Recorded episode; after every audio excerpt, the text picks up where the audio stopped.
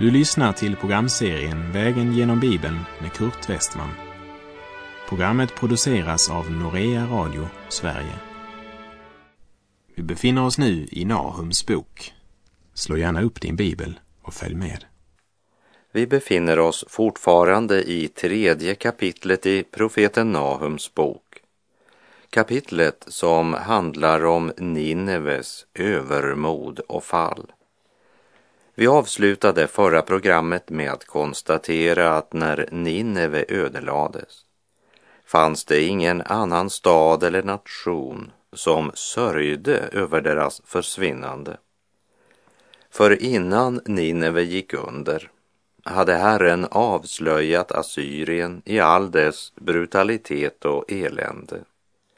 Fasaderna hade fallit och den mörka verkligheten drogs fram i ljuset. Allt blev avslöjat. Assyrien och Nineve stod där med skam. De flesta av deras befolkning omkom. De få som överlevde hade blivit bortförda i fångenskap som var värre än döden. Och staden hade jämnats med marken. Det är den framtid som nu väntar på Nineve, säger profeten Nahum. Men vet du, det hade man inte ens en tanke på i Nineve. Trots det budskap man långt tidigare fått höra genom Herrens profet Jona så var det ingen längre som brydde sig om vad Gud hade sagt. Så domen och katastrofen den kom lika överraskande över Nineve som den kom för folket i Sodom på Abrams och Lots tid.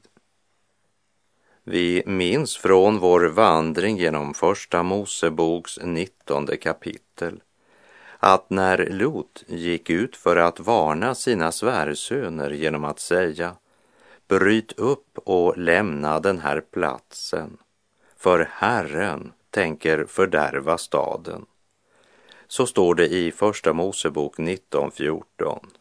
Men hans svärsöner trodde att han skämtade. Hans svärsöner menade att han bara skämtade. Så är det också idag.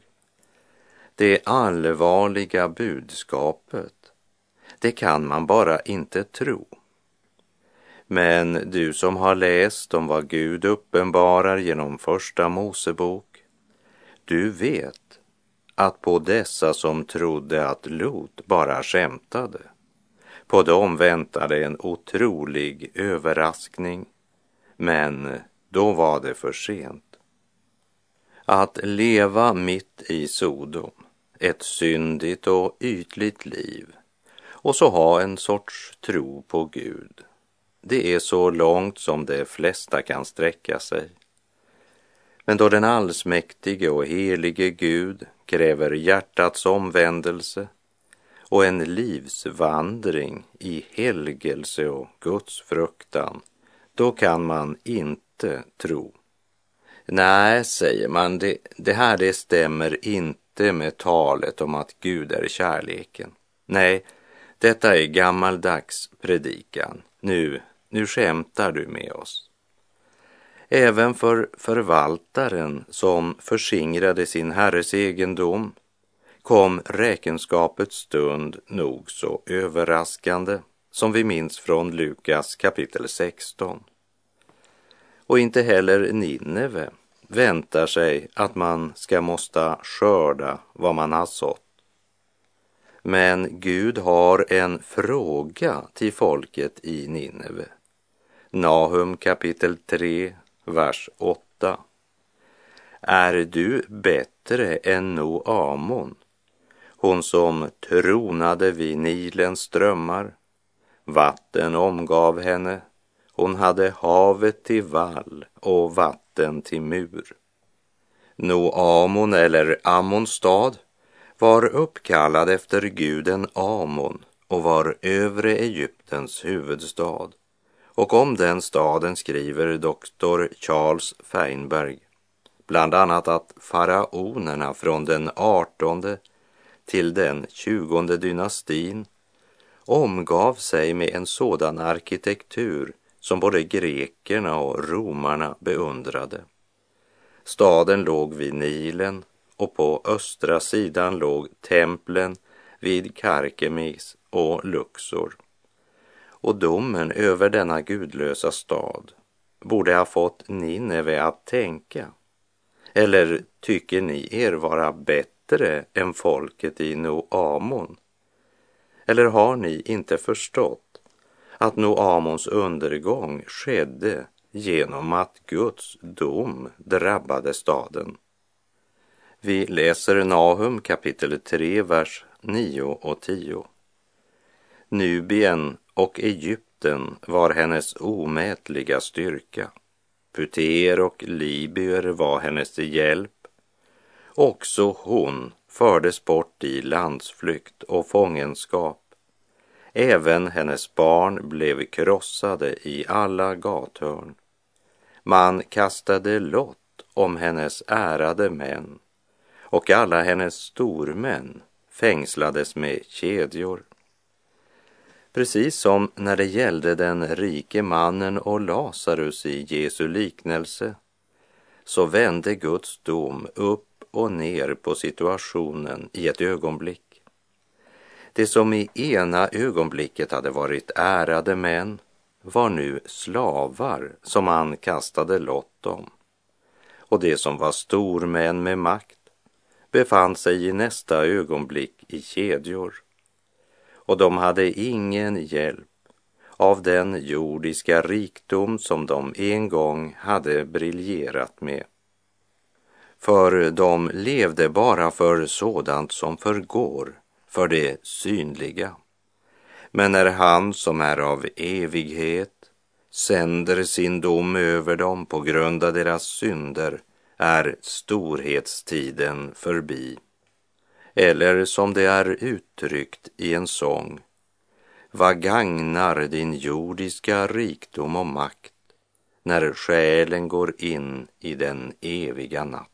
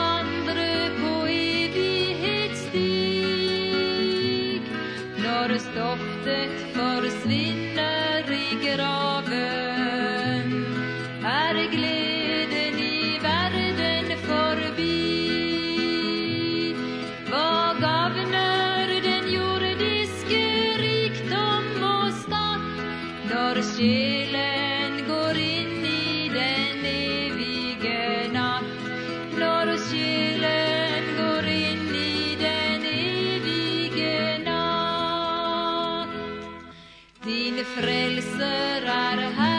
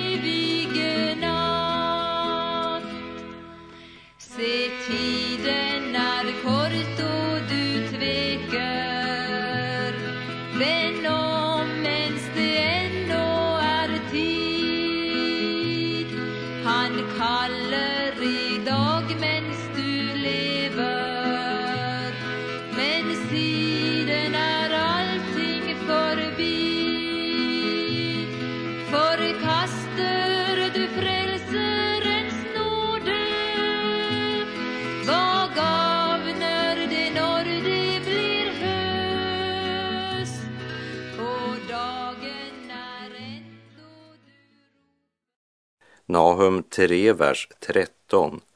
Se, krigsfolket hos dig är som kvinnor.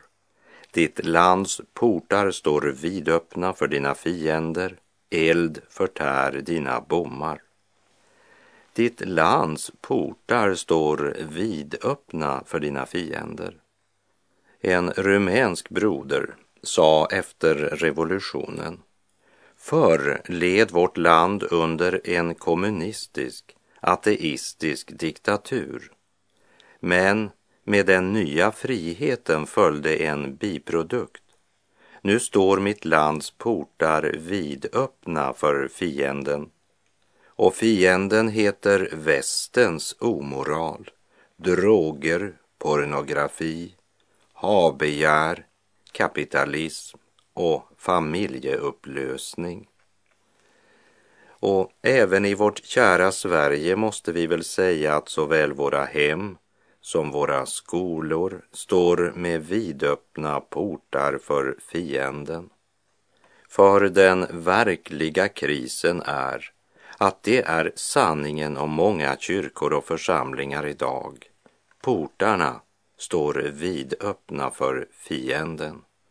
Vi läser vers 14 till och med 17. Ös upp vatten åt dig för belägringen och förstärk dina fästen. Stig ned i leran och trampa i murbruket, gör tegelformen stark. Där skall elden förtära dig och svärdet utrota dig. Det skall sluka dig som gräsmaskar även om du är talrik som gräsmaskar och förökar dig som gräshoppor. Du har fler köpmän än himlens stjärnor, fler än himlens stjärnor. Som gräsmaskar plundrar de och flyger sedan bort. Dina förstar är som gräshoppor, dina befälhavare som gräshoppsvärmar. De stannar i häckarna en kall dag när solen kommer fram flyr det bort och sedan vet ingen var det finns. Maktpersoner och ledande försökte fly. Men det blev inte till räddning för sedan hörde man aldrig mer av dem. Ingen vet var det finns. De ville inte ta sin tillflykt till Gud och när domen kom inbillade de sig